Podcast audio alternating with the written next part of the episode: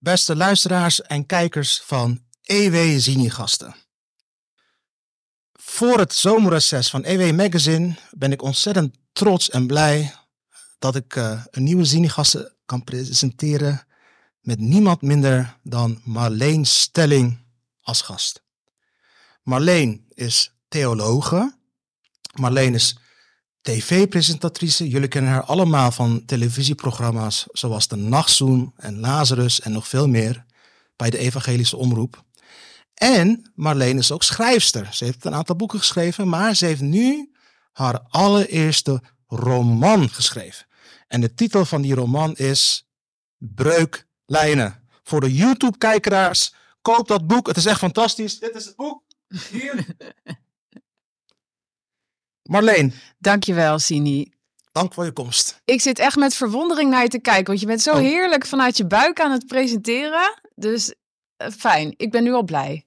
Dankjewel Marleen. Nee, ik vind het ook heel tof om jou hier te hebben. Um, je hebt echt een prachtig roman geschreven. Dankjewel. Um, en daar gaan we straks over praten. Maar laten we eens even eerst bij het begin beginnen, Marleen. Vertel eens eerst wat meer over jezelf. Je bent theologe. Waarom ben je theologie gaan studeren? Oh, theologie gaan studeren. Nou, uh, ik, ik, kom uit een uh, religieus nest. Wij gingen altijd naar de kerk vroeger. Um, en ik, merk, ik vond daar altijd wel iets van in de zin van wat ik er beleefde. Dus ik was, ik was dat altijd heel, uh, ja, wel grondig aan het beschouwen. Ik kan me niet anders herinneren dan, dan dat ik daar gedachten over had als kind ook. Wat, wat we dan deden, waarom we dat dan deden. waarom moeten we nu zitten, waarom gaan we nu staan. Uh, wat vinden we van elkaar als mensen? Um, over welke materie hebben we het? En wat is belangrijk om het over te hebben? Um, en nou ja, zoals je kan voorstellen, uh, als je naar de wereld kijkt, dan zie je natuurlijk dat mensen overal discussies hebben over alles wat met religie te maken heeft. Zo, ja. Een gezin is een microsamenleving. Uh, en in het gezin bij mij thuis waren die discussies er ook. Ah, oké. Ja. ja. ja. Um, met natuurlijk de, ja, de, de mooie dingen. Uh, dus ik ben mijn ouders heel dankbaar dat ze mij de verhalen uit de Bijbel hebben geleerd. Uh, bepaalde kernwaarden uh, van hoe je, hoe je als mens bent, wat je voor elkaar kan betekenen. Dat heeft mij heel sterk gevormd. Um, ja, de keerzijde was er ook. ik, ik heb ook dingen als taboe ervaren. Ik heb ook vaak te weinig ruimte gevoeld om te, te praten over geloof. En toen ik 17 was, was eigenlijk de meest logische beslissing dan om dan maar theologie te gaan studeren. Om het te gaan eh, begrijpen, deze, deze, om het, Ja, ik dacht, dan weet ik het echt. Dan begrijp ik alles. Uh, dan win ik elke discussie, want ik ben ook best wel een bedweter. En uh, ik wil ook graag de bedweter zijn. dus dat was er ook. Um, ja, dus dat, dat was de ambitie om die theologie-studie te gaan waar, doen. Waar komt dat bedweterige vandaan dan, denk je? Was dat, was dat juist een reactie op zeg maar, de, de, ja, ik noem het even het, het dilemma tussen de mooie dingen die je ervaren vanuit religie, maar ook het gevoel dat je niet altijd jezelf kon zijn, waardoor je bedweterig tussen aanhalingstekens. Uh... Weet ik niet zo goed.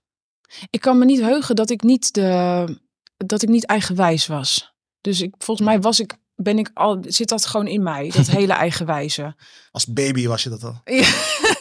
ik wil nu geen melk. Het schijnt dat ik een hele lieve baby was, als ik mijn moeder mag geloven. Maar uh, nee, ik was, ik was wel altijd een bed, op school was ik ook een bedwetertje hoor. Ja, ja. Hoe, hoe, hoe, hoe, dan? Want ik, ik vraag door, want ja, ik ben met alle respect, ik ben ook een Nederlander, maar Nederlanders noemen al heel snel iemand een bedweter, terwijl die misschien alleen maar een kritische vraag stelt. Dus vandaar ja. mijn vraag, wat, wat maakt jou een bedweter? Dat, dit, nou, dus ik ben natuurlijk opgegroeid in de Nederlandse cultuur. Dus we, ja, misschien, dat heb ik waarschijnlijk helemaal geïnternaliseerd. Dus uh, ben ik mezelf nou, en met, in andere culturen ben je dan geen bedweter, maar gewoon een uh, geïnteresseerd persoon of baby. Of... Nou, fijn. Ja, dat is echt zo. Die reflectie neem ik mee. Uh, ja. mooi. Oké, en kun je, kun je, als je erover wil praten overigens hoor, kun je dan... Ik kan me best wel voorstellen wat voor jou de fijne dingen waren aan het geloof, het christendom, de boodschap van Jezus die ja. je kreeg. Dat kan me heel goed voorstellen. Ja, het is ook iets wat, wat is gegroeid hoor. Want die theologiestudie, uh, die liep natuurlijk helemaal niet uit op waar, ik op hoopte. Dus, uh, oh, waarom niet? Nou, ik, ehm, ik, beging, ik, ik, ik sprong erin met het idee van nu, als ik deze studie heb afgerond, dan weet ik alles. En ik kwam er natuurlijk uit met het idee van, ik weet echt gewoon helemaal niks. Oh, Eh, en ook eigenlijk steeds minder. eh, maar dat is toch raar? Theologie betekent toch, eh, wat betekent dat? Dat is Latijns, toch? Latijn. Ja, Dat is studie van... van ja, over God. Ja. Dan moet je toch juist meer weten? ja, ik wist in zekere zin wel meer, maar ik wist ook vooral hoe weinig we als mensen eigenlijk weten. Ah, En ehm, eh, een, een, die, ja, dus ik vond het heel erg boeiend om te ontdekken hoe, hoe mensen geloven en waarom. En ik vond het ook fantastisch om de bronnen te, eh, te analyseren. Ja, dus ik ja. heb Hebreeuws geleerd en Grieks. echt waar, joh? Ja, Wauw. ja, dat was waanzinnig. Dat was prachtig. En ook zo dichtbij zijn bij waar dat hele christendom op is gebouwd. Ja. Dat was voor mij ook een soort ja, intieme, intieme ervaring. Ehm, dus ja, dat was natuurlijk fantastisch. Maar echt Hielp, hielp, weet... dat, hielp, dat, hielp dat ook jou het gevoel van dat je ook af en toe, toen je opgroeide, niet jezelf kon zijn ontstijgen? Of, Mijn, of mijn geloof daar een rol in speelt. nee, of je je, theolo- je theolo- theologieopleiding je daar een beetje van los kon, eh, kon, kon we- Nee, want ehm, ja, na, na vier jaar studeren ben je natuurlijk niet daar dat je denkt, nu weet ik alles. Zeker niet als je dan 21 bent, toch? Ik bedoel, Ja. wat weet je nou? Dus ik was er vooral van bewust hoe, hoe, hoe, hoe groot de taart eigenlijk was en hoe klein het puntje was wat ik nu onder de knie had. Hmm. Eh, en dat is ook oké. Eh, maar ik moet wel zeggen, door al het bestuderen van hoe mensen geloven, was ik heel ver bij mijn eigen zoeken naar zin en mijn eigen zoeken naar geloof vandaan geraakt. Ja. Dus ik was zo bezig met, oh ja, dus eh, blijkbaar zit het in de psyche van de mens dat we geloven. Eh, het zit, bij, het zit eh, in de sociale zin in hoe we met elkaar omgaan. Dat je altijd zoekt naar een gemene deler die helpt. Ja. Om het een beetje vredig te laten gebeuren of om juist de macht, te- de macht te grijpen. Daar, en daar, dat begreep ik. Of dat, dat, daar waren wat inzichten bij Daar gaat die gekomen. opleiding over, toch? Ja, precies. Maar echt de echte zoektocht van wie ben ik in dit enorme uitdijende heelal? Hoe bestaat dit? Dat dit echt waar is? Ehm, waarom ben ik ik en niet jij? Eh, dus die echte hele grote vragen, eh, daar, ja, daar, Hm. ja, daar was ik zelfs de verbinding een beetje mee kwijtgeraakt. Ja, ja, want het, als ik je zo hoor, want het is een wetenschapsbeoefening. En Ja. niet, per se een zingevings... Nee, het is geen existentiële ja, zoektocht. ja, Nee, en daar, daar kwam, dat is wel, ja, ik blijf dat mooi vinden dat ik sinds ik bij de EO ben gaan werken, dat wij, ehm, ja, eh, uh, eigenlijk bij alle overleggen komt geloof wel aan bod. Je staat bij het koffieautomaat en er komt weer wat voorbij. Ehm, en ehm, ja, ik ben dan vooral van de vragende school. En daar vind ik het ook boeiend. Uh, maar daar is wel alle ruimte voor. Een bedweter. Nou, misschien ben ik wel. Nee, je bent, dat is de vragende school, toch? Ja? Ja, ja. In Nederland ben je dan een bedweter. Ja, maar ik bedoel het is niet bedweter. Weet maar ik, weet ik. Ik heb zo'n grapje. Ja? Maar, ja. Ja. Omdat je dat net... Ja, precies. Ja. Sorry. Ja. Ja, gevoel voor humor. Ja. Cynisch is vol humor. Maar ga, ga door. So, ik onderbrak je, sorry. Ga door. Nou ja, dus, dus gaandeweg is mijn, mijn dat, dat, ge- dat gevoel van binnen waar je bezig bent met die grote vragen van het leven, dat, dat, dat noem ik mijn geloof. Dat Mhm. is weer gaan leven. Wauw. Ja, Is dat ook hoe je bij de EO bent beland? Want, wat- nee, was- dat is eigenlijk bij de EO wel gebeurd. Oké, want Ja. had, je, had je al de ambitie om de media in te gaan toen je studeerde? Of? Eh, ja, gaandeweg. Ja. ja, ja. ja, tegen het eind van mijn studie dacht ik, ja, ik wil verhalen maken, vertellen, Ah, opdiepen. ja. Ehm, ik dacht altijd, ik wil heel graag journalist zijn, maar interviewen, dat vind ik doodeng.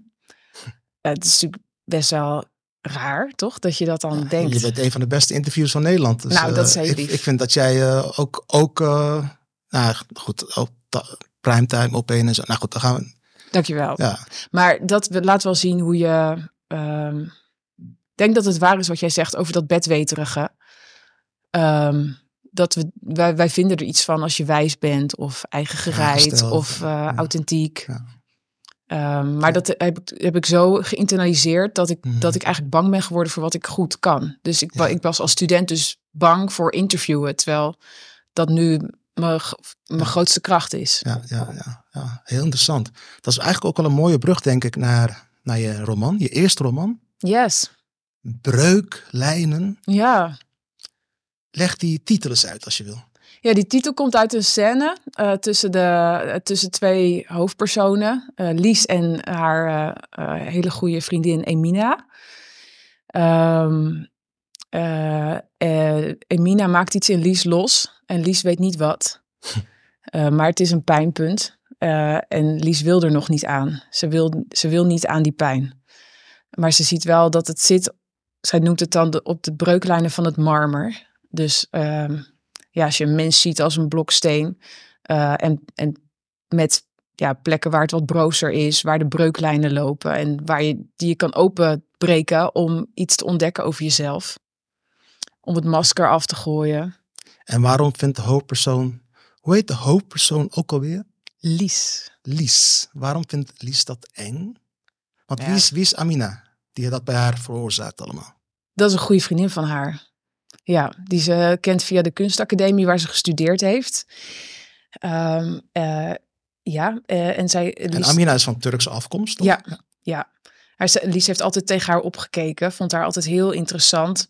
Uh, ze is ongeveer twintig jaar ouder dan Lies. en ja, het speelt natuurlijk ook mee dat Lies een ingewikkelde relatie heeft met haar eigen moeder. Ja. En dat zij toch op zoek is naar moederlijkheid. En dat bij Emina vindt.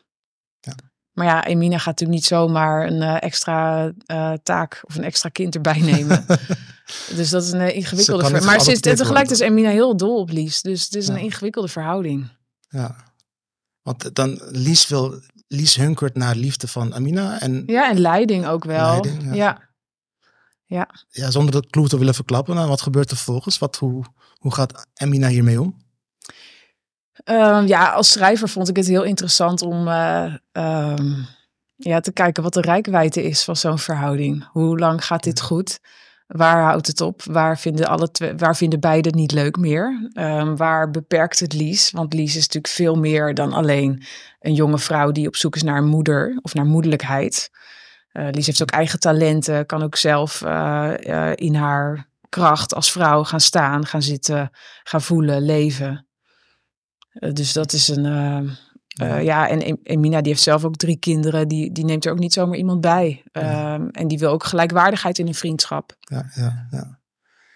Wat ik heel fijn, fijn of heel interessant en tof vond um, in jouw roman is dat die tussen Lisa en Emina, daarom is die titel zo toepasselijk, die breuklijnen, zo heb ik het in ieder geval opgevat, die, die gaan bij beide eigenlijk door, door de ziel heen. Ja. In de volgende zin van, ik kreeg de indruk dat Lies en Emina door, door hun verstandhouding, vriendschap ja, en, ook, en ook een beetje on, onbenoemde ja, erotische aantrekkerskracht. Mm-hmm.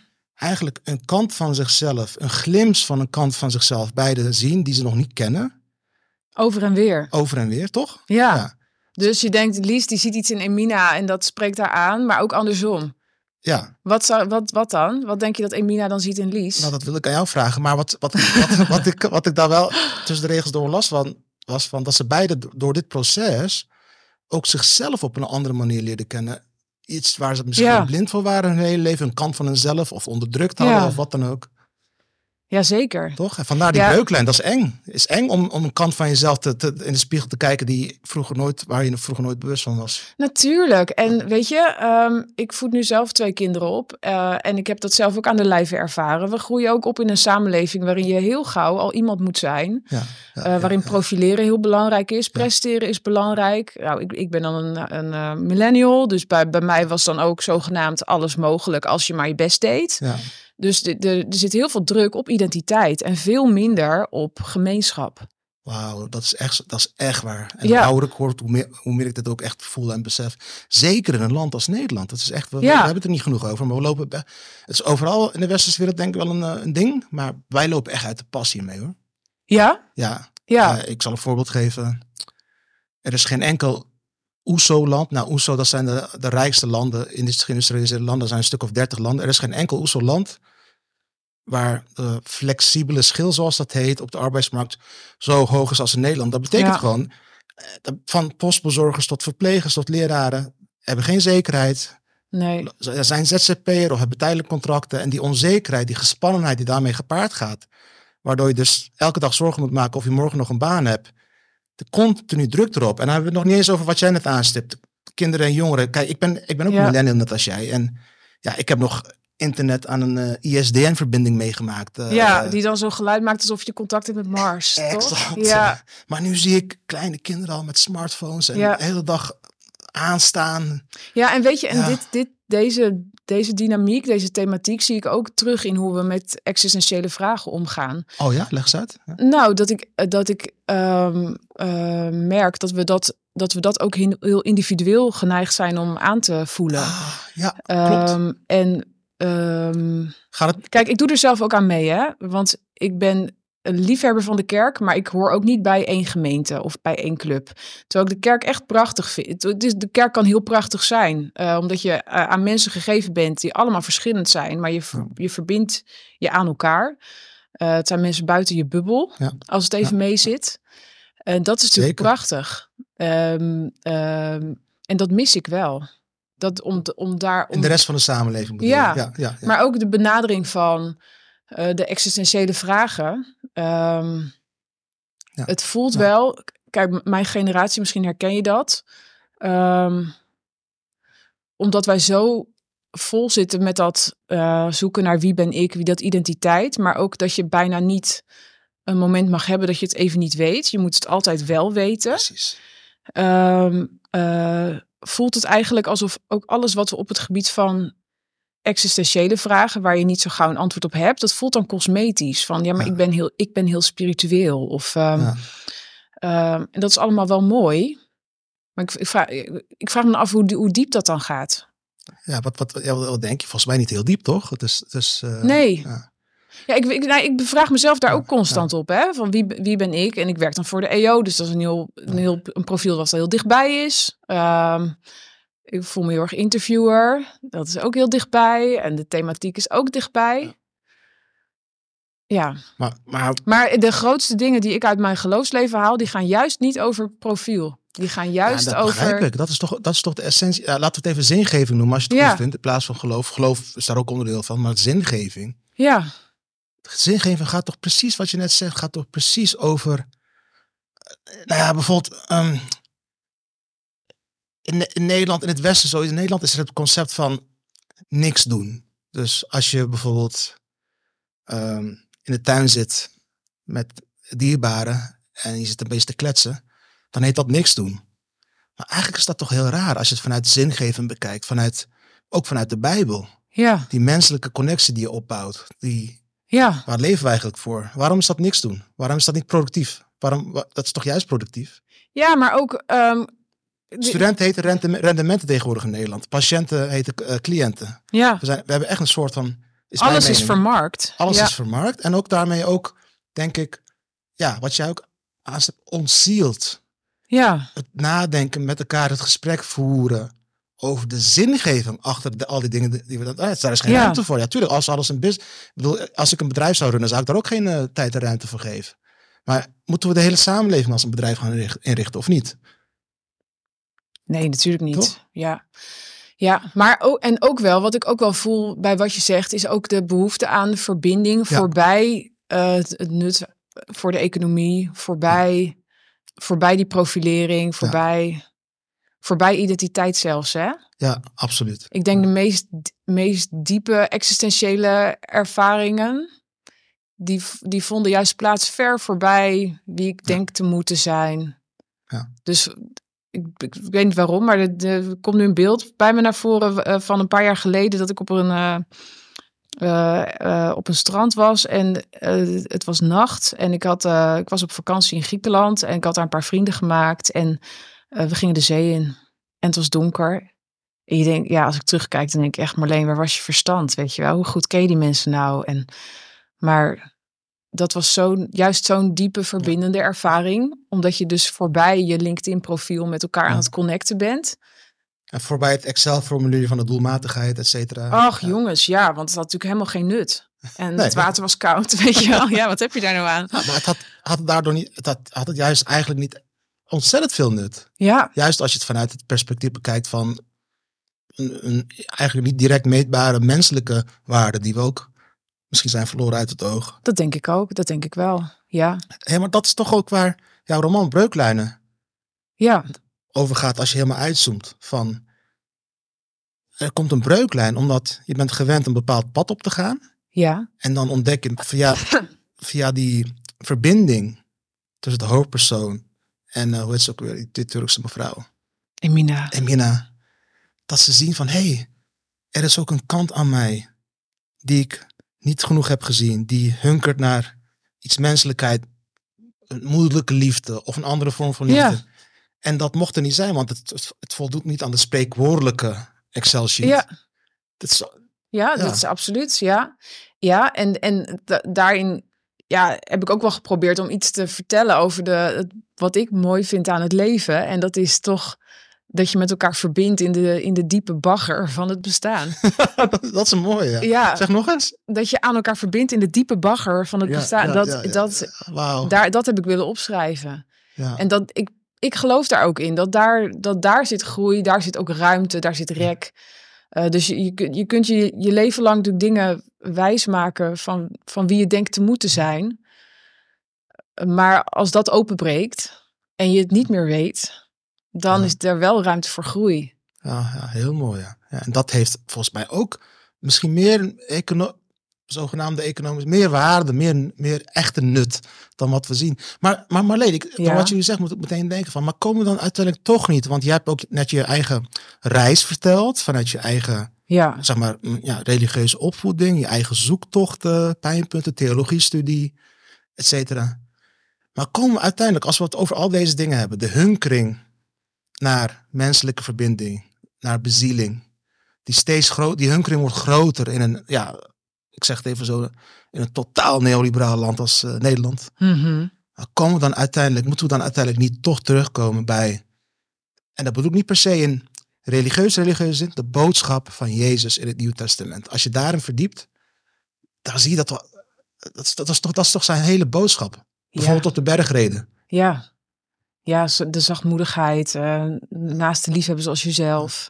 Ja, natuurlijk. Ja, maar ja, natuurlijk zeg ook- ik hier ja op. Maar ook, maar, nee, maar ook wat hij zegt over, hoe ging dat ook alweer? Je kunt beter een, eh, wat was het, een naald en een kameel en een miljonair. En Ja, het is een- makkelijker voor een kameel door het oog van de naald te gaan. Dan een aandeelhouder Een die- rijke door het... Ja. Ja, dan een aandeelhouder die, ja, ja, ja.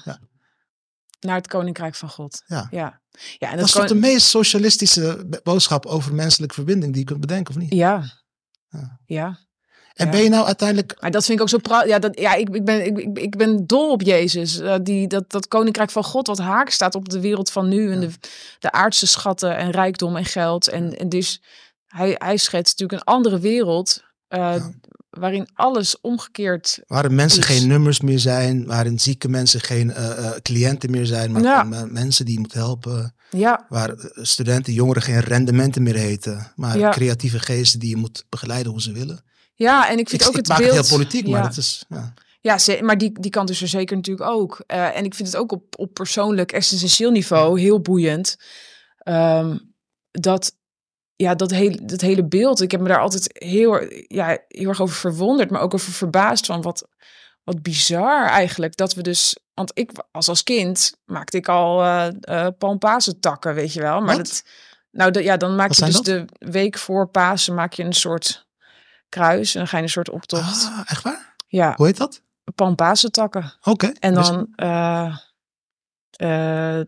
dat is dan ter nagedachtenis aan dat Jezus toen in Jeruzalem kwam. Hmm, ja, Ehm, ja. Maar ik heb me er wel altijd over verwonderd dat, je de, dat we dus zo dichtbij bij, met een eh, verschrikkelijke marteltechniek bezig zijn. Huh? En een man die we fantastisch vinden, dat die doodgaat. Wat, wa- dat, ik bedoel, ik kan daar niet direct van 1 op 1, 1 plus 1 is 2. Oh, dat betekent het, toch? Dat, zo, dat is heel en, en ingewikkeld. Nu, kan, je dat, kan je dat nu wel? Of? Nee. ehm, nee. Eh, maar wat ik er eh, prachtig aan vind, is dat Jezus ons eigenlijk wel een soort voorbeeld laat zien van hoe je door een heel diep dal kan gaan en Ja. dat er daarna een soort verrassing is. Ja. Maar dus ook die de, Jezus is gekruisigd, weet je wel. Hij is, hij is eh, opgehangen. Ehm, en de, die, die, dit is ook eh, exposed, weet je wel. Het is, hij is, dat moest gezien worden of zo. Wij, wij moeten het zien, hoeveel Hm. pijn hij heeft. Of, en daar, daarin zie ik ook wel een soort menselijkerwijs een soort voorbeeld. ehm, hoe je door pijn heen kunt gaan. En dat er daarna een verrassing is. Dus als, ik als, je, als je de pijn aangaat en je het omarmt bij wijze van spreken, dat is beter dan de pijn ontwijken en begraven. ja, want weet je wat ik Ah, ook zo ja, wonderlijk ja, ja, vind? Dat is Eh, heel, ja, dat is goed. Ja. Nou ja, en Jezus zegt dan zo die, die laatste woorden van, maar God, waarom heb je me verlaten? Maar God zegt daar helemaal niks op Nou, daarna. ja, ja, Die zegt dat niet van, nou, eh dim even jij Nee, of zo. komt Helemaal straks wel goed, jongen. Hou nee, even, het wonder geschiet alsnog. Wauw. En dat, da, dus da, daarin vo- voel ik ook zo bevestigd dat, dat, ehm, nou ja, dat, er, dat, dat we ja, wellicht, weet ik, ik weet het natuurlijk ook niet, maar dat we wellicht wel van doen hebben met een milde God. Of wat, wat goddelijkheid dan is, dat dat, dat dat juist zachtheid is en niet strengheid. Ja, prachtig Marleen. Nee, ik zal heel eerlijk zijn. Ik beschouwde mijzelf altijd als een eh, heel eh, materialistische, socialistische, nuchtere, gewoon a- ja, bij atheïstische, ja, En vond je dat ook cool? nou onbewust misschien wel, maar ik, ik geloof er ook echt in. En in zekere zin ben ik dat nog steeds, want ik geloof nog steeds niet in een soort van typische god, zoals dat het een man met een baard is ergens die dag en nacht bijhoudt wat we allemaal doen of zo. Maar ik heb zelf wel met pijn en moeite, en daar hebben we het, hebben het ook over gehad in jouw pro- tv-programma's, wel met pijn en moeite wel, wel geleerd van dat er echt zoiets bestaat als eh, zingeving, menselijke verbinding, spiritualiteit. Ik bedoel, je hoeft niet per se heel... Misschien zijn we zo gewired in ons hoofd vanwege de evolutie. Juist vanwege Darwin zijn we spiritueel, maar die spiritualiteit eh, ontwijken, eh, negeren of begraven, wat ik eigenlijk heel lang heb gedaan, dan maakt niet uit hoeveel wetenschap of kennis je hebt. Je menselijkheid gaat ten onder. En dat is wat je vindt in spiritualiteit, menselijkheid? Ja. In de breedste zin van het woord. Dus ook over waar we net over hadden, dat, je, dat wij hier zitten te kletsen. maar wij- ook al waren er geen camera's of microfoons bij. Dat is ook nuttig. Eh, Heel. bijvoorbeeld. Je Ja. hoeft niet de hele tijd te presteren. Ehm, Ja, en het is. Het is een, een, een, een- zo'n oerbehoefte die erbij hoort. Dat je. En kijk, bijvoorbeeld, dat, ik dacht daar net aan toen jij zei. Zo- jij had het over van eh, dat we dat, dat, dat geloofsdeel van ja, maar dat doen we maar niet. Want dat is, dat is eh, zeker als we ontwikkelde, intelligente, Ja, ja. intellectuele mensen zijn. Ja. Nou, daar, de, dan, geloof je dat het geloof is, die is daar niet voor of zo. Ja, Maar denk ik, ja, maar ja, ja. je, je, je sluit eigenlijk de deur naar een hele grote, prachtige wereld. Ja, dat zeg Eh, ik, ja, je, je gaat toch ook niet nooit meer naar een museum omdat kunst niet echt is of zo? Dat is toch. Ik vind dat een heel goed punt, Marleen. Je hebt gelijk. Ja. Toch, en toch doe ik het. Waarom eigenlijk? Ja. Omdat ik me dan toch zelf mi- misschien niet wil associëren vanwege het beeld onbewust dat er dan is van iemand die echt gelooft. Ja? Dan ben je in progressieve linkse kring in Nederland, ben je dan niet serieus te nemen. Oh Dus, ja. Ja. Misschien is dat het onbewust. Het is niet bewust hoor, maar ik probeer nu, want je hebt gelijk. Nu het zegt, besef ik het. Ja. ja, ik denk voor mezelf, Ja. ik hoorde bij voorbaat al bij het clubje gelovigen. Dus, Dus ja, nou ja, gewoon het. dan is het ook maar, Maar het is zo. niet een bewust iets of zo. Ja, misschien is dat het. Nu het zegt, nu het zegt besef ik Maar is het ook ergens iets dat, ehm, kijk, voor mij is alles met geloven, eh, dat laat mij eigenlijk zien hoe klein ik eigenlijk ben. Ja, ja, En ook wel hoe geliefd probeer ik te voelen dan. Dat voel ik niet altijd, maar ik probeer dat wel. En waarom vind je het fijn om te, om te beseffen hoe klein je eigenlijk bent? Als nou, dat mens? vind ik dus helemaal niet fijn. Oh, niet. Nee, maar is dat, ook niet een, maar is dat ook niet een reden om het uit de weg te gaan? Ah, dat je dus aan de ene kant de, de, de wereld hebt waarin je Nou, dus... dat is wel interessant wat je zegt. Want ik kan niet voor anderen spreken. Maar in mijn geval, ik voelde me ook... Ik weet dat ik ontzettend klein ben. Maar dan vanuit het zo- zogeheten wetenschappelijke pad. Ik was in 2018 was ik op vakantie in eh, de grotten van Lascaux. In de Dordogne in Frankrijk. Voor de luisteraars, als jullie nog niet zijn geweest, ik kan het jullie allemaal aanraden. Dat zijn die grotten waar letterlijk 50.000 jaar geleden Homo sapiens, dat zijn gewoon wij, gewoon mensen zoals jij en ik, maar alleen. Die wonen in die grotten. Dat is echt gewoon in de, in de, in de oertijd. En die hebben daar allemaal tekeningen gemaakt van dieren die ze, waar ze op joegen, jaagden. Wat is het, verleden tijd? Oh, help me. Joegen. Het is vrijdagmiddag. Joegen. En, maar ook, ook van hun eigen hand hadden ze afdrukken ge- getekend, zeg maar, met, met, om hun eigen vingers heen. Hmm. En toen ik daar kwam, ik kreeg een soort van historische sensatie. Wauw, het besef van, wacht eens even. We bestaan al heel lang. En heel lang. En het waren gewoon mensen zoals jij en ik. Gewoon geleefd. Ja. Precies hetzelfde. Alleen ze, hadden ze wisten nog niet zoveel als nu. Dus ze leefden in grotten, ze, hadden geen koelkasten, geen smartphones Mhm. en zo. Maar het waren gewoon mensen zoals jij en ik. En daarna ben ik gewoon puur uit interesse heel veel wetenschappelijke boeken gaan lezen over de, de geschiedenis van de mensheid, Homo sapiens. En toen kreeg ik dat gevoel wat jij had van klein zijn. Van, wacht Ja. eens even, de wereld bestaat 5 miljard jaar. Eh, ongeveer 4 miljard jaar geleden kwam er leven. Nou, dat was eerst eh, bacteriën, eencellige wormen. Het ging maar door, door, door. Ongeveer 350 miljoen jaar geleden kwamen een beetje de dieren die we een beetje kennen. En wij bestaan slechts 300.000 jaar. Homo sapiens, de mens. Dat Ja. is niet eens een milliseconde in het hele plaatje. Mhm. En dan heb ik nog alleen maar over de aarde. Maar vind je, geeft dat je rust of was het beangstigend? Mij, mij gaf het juist vrijheid. Ja? Het stelt allemaal niet Vrijheid. zoveel voor. Het stelt allemaal niet zoveel voor. Je hoeft niet zo gespannen te zijn. Hmm. En, maar vind je dan gaandeweg weer een nieuwe drive om het op te doen? Want je, het is natuurlijk wel het gevoel van, ik ben belangrijk. En eh, alles wat ja. ik zeg, elk woord dat ik uitspreek, elke punt, komma, ja, alles is belangrijk. En dat ik maak het verschil. en eh, toch, maar ook als opiniemaker kan, is dat heel verleidelijk, Of de toch? Nederlandse politiek. Ja, ja, ja. Ja. Nee, dat was wel een goede. dat- In dat opzicht gaf het me geen, eh, of weinig relativering. Want uiteindelijk, bij deze analyse die ik dan had, wat ik, ik vind het gewoon ook heel interessant om te lezen over die geschiedenis van de menselijke Maar op evolutie. welke, op, op welke Maar het ding- gaf geen zingeving, spirituele zingeving gaf Mhm. het niet, zeg maar. En dat, maar dat is, blijft wel een zoektocht dan. Daar Ja, verlang je wel ja, naar. Hé, hey, wacht eens even. Ik ben jou aan het Oh, sorry. Ja. interviewen, Marleen. Ja, ja. tuurlijk, tuurlijk verlang ik daarnaar. Net als elk mens. Maar dat ik ernaar verlangde, dat uh, besefte ik lange tijd niet. Dat is ook iets van een paar jaar nu. Maar we hebben het al eerder over gehad. Ja. Ja. Maar terug naar uw boek, Ja, Stelling. Nou, voor Lies speelt dit ook, hè? Ja, toch? Ja. Ja, zeker. En, en zij putte inspiratie uit haar oma. Die is overleden, oma Muis. En die, eh, dat was het een beetje een eigenwijze gelovige. Dus die luisterde niet echt naar de dominee. Maar ze ging er wel dan naar die kerk toe en nam ze Lies mee. En Lies vond dat altijd een soort intieme ervaring met haar oma. Om dan zo tegen haar oma aan te zitten. En, En, en de- ik ga je nu een vraag stellen die je de hele tijd eh, krijgt vanwege jouw prachtige roman. Mhm. In hoeverre is Lies Marleen Stelling? Deels. Ja, dus daar heb je helemaal niks aan, dit antwoord. nee, deels. Ehm, eh, als ik terugkijk, want het is voor een groot deel ook onder, onbewust gegaan.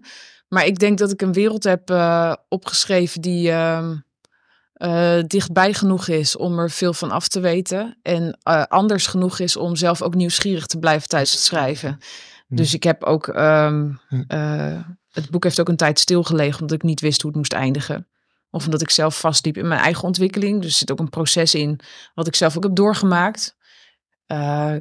Ik heb er dan naast het gezinsleven en een drukke baan heb ik eraan gewerkt. Dus dat heeft Ja, natuurlijk jaren ja, geduurd. Ja, ja. En ik wilde het ook jaren laten duren. Ik wilde het ook Ja, laten rijpen. Ik wilde pers- personages laten rijpen. Dat En, is je goed gelukt hoor. dankjewel. Ja. Dankjewel.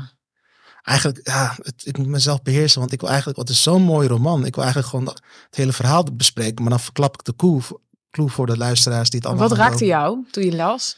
Ja, nu ga je me weer interviewen, maar dat is oké. Ehm, ja, gewoon heel eerlijk.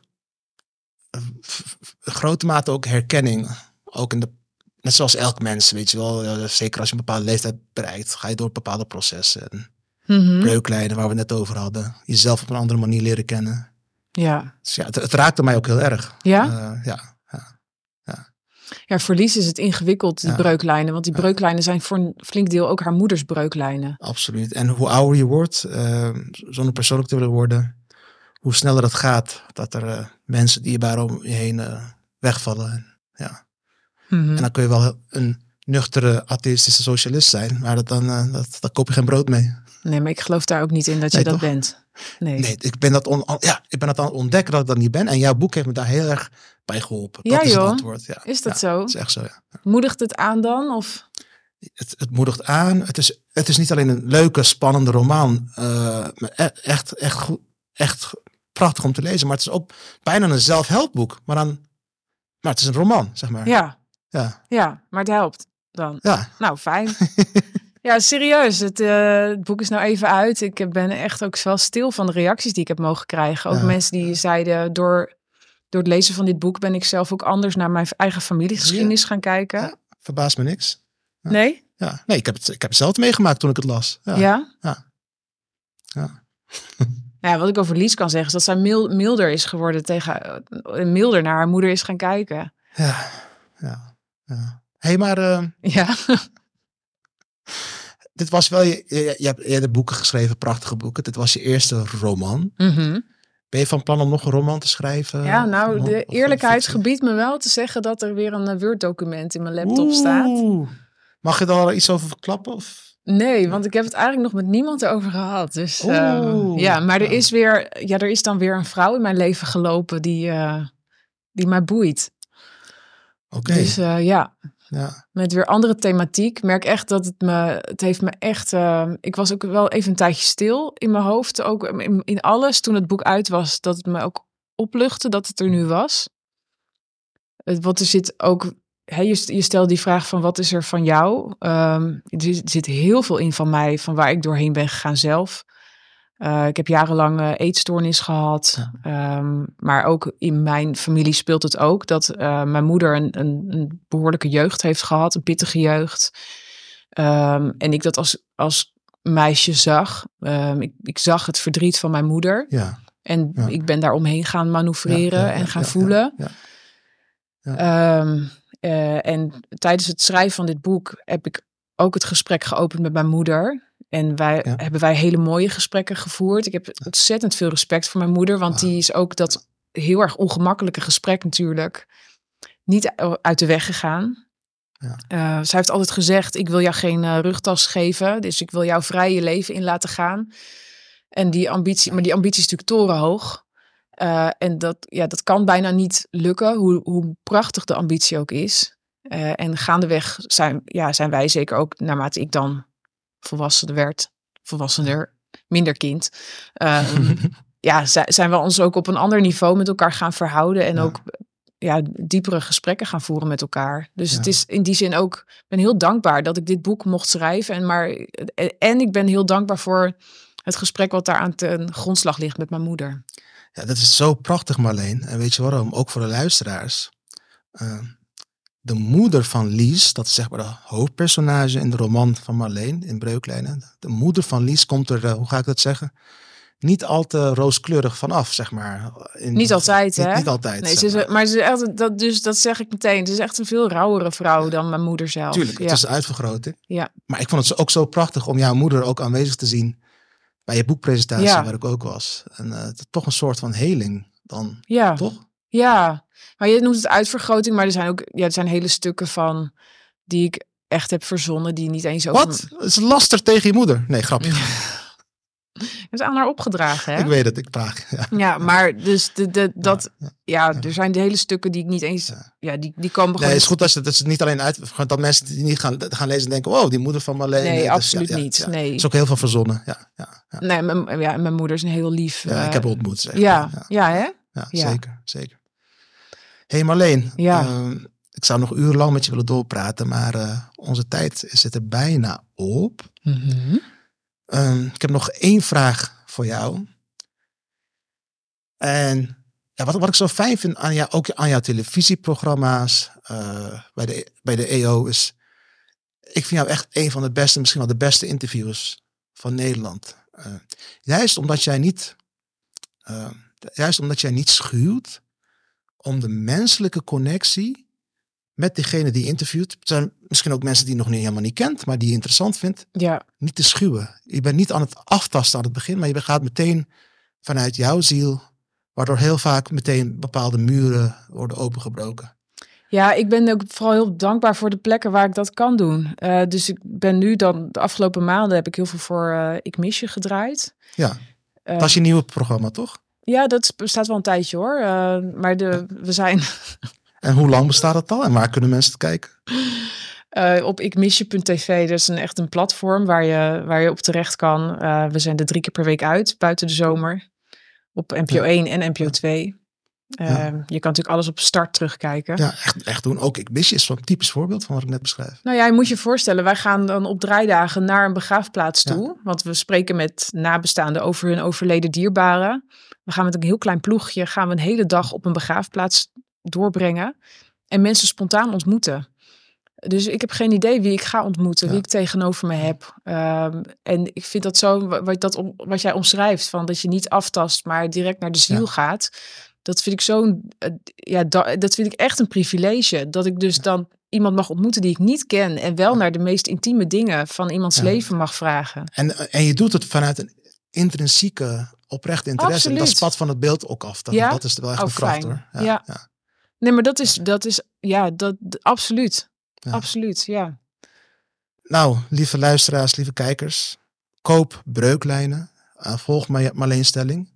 Marleen, een laatste boodschap aan Nederland. Hoe gaan we meer zingevend bereiken? Meer be- menselijke connectie. Wat is jouw boodschap aan de Nederlandse samenleving? De Nederlandse politiek? De boer, burger, EW Magazine, Hella Huuk, aan iedereen. Ik gun iedereen ehm, rust. En zi- Ah, dat- ja. ja. rust. Rust.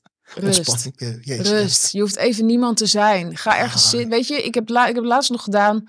Tijdens een interview moet nog uitgezonden worden. Ik heb Hans de Boy geïnterviewd, eh, zanger. Wat- Van, van Ehm, welk liedje? Annabel. Oh, wauw. En eh, nog veel meer nummers natuurlijk. Ehm, maar ja, ik dacht tijdens het gesprek, we zitten, waarom zitten we? Laten we daar in dat veld verderop, in het grasveld gaan liggen en naar de hemel kijken. En dat is eigenlijk iets, hè, of het nou zomervakantie is of niet. ehm, ik, dat gun ik echt iedereen. En dan de, de, de speelse verwondering van wat doen die wolken met me? Naast wie lig ik eigenlijk? Eh, hoe hoog is het gras, weet je wel? Ehm, even zijn en het fijne van het leven voelen. En dat je niks moet, niks hoeft te bewijzen. Wauw. Echt prachtig, Marleen. Echt, ik krijg er nu al rust van door hoe jij het vertelt. Is dat zo? Echt zo, ja. ja. Dan ben je er ook aan toe, jongen. Ja, echt. Maar volgens mij heel Nederland. Volgens mij in Nederland. Lieve mensen, koop breuklijnen en ga rusten. Dank jullie wel. Tot de volgende Zini gasten. Dankjewel, Marleen. Dankjewel, Sini.